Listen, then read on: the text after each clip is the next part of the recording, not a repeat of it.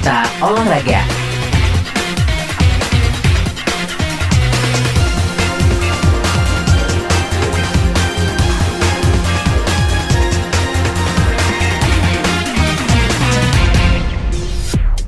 Sejenis putra untuk berita olahraga.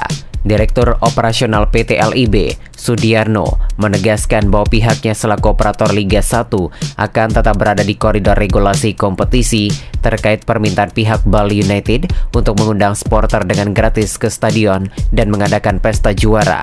Bali United berencana menggelar juara Liga 1 2021-2022 selesai laga pekan ke-34 melawan Persik Kediri di Stadion Kapten Iwan Dipta Gianyar pada Kamis 31 Maret 2022. Wacana kehadiran penonton di stadion dan pesta selesai laga tersebut sempat diutarakan Gubernur Bali Iwan Koster didampingi pemilik Bali United Peter Tanuri dan Wakil Bupati Gianyar An Agong Gede Mayun di ruang rapat Gedung Gajah Jaya Sabah dan Pasar pada Minggu 27 Maret. Pesta tersebut merupakan bentuk apresiasi untuk Bali United karena telah meraih gelar juara Liga 1.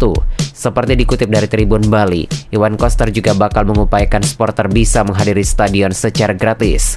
Gubernur Koster mengatakan, menurut aturan, penonton yang boleh hadir adalah 75% dari kapasitas stadion Dipta Gianyar. Sesuai kapasitas stadion Dipta yang menampung 25.000, pihaknya mentolerir penonton yang hadir dibatasi kira-kira 15.000. Terkait ini, Sudiarno mengatakan pihaknya menerima surat permohonan dari Gubernur Bali, namun ia menegaskan bahwa PT LIB tetap akan berada pada koridor regulasi kompetisi. Demikian saja putra untuk berita olahraga. Kembali ke program selanjutnya. Berita olahraga.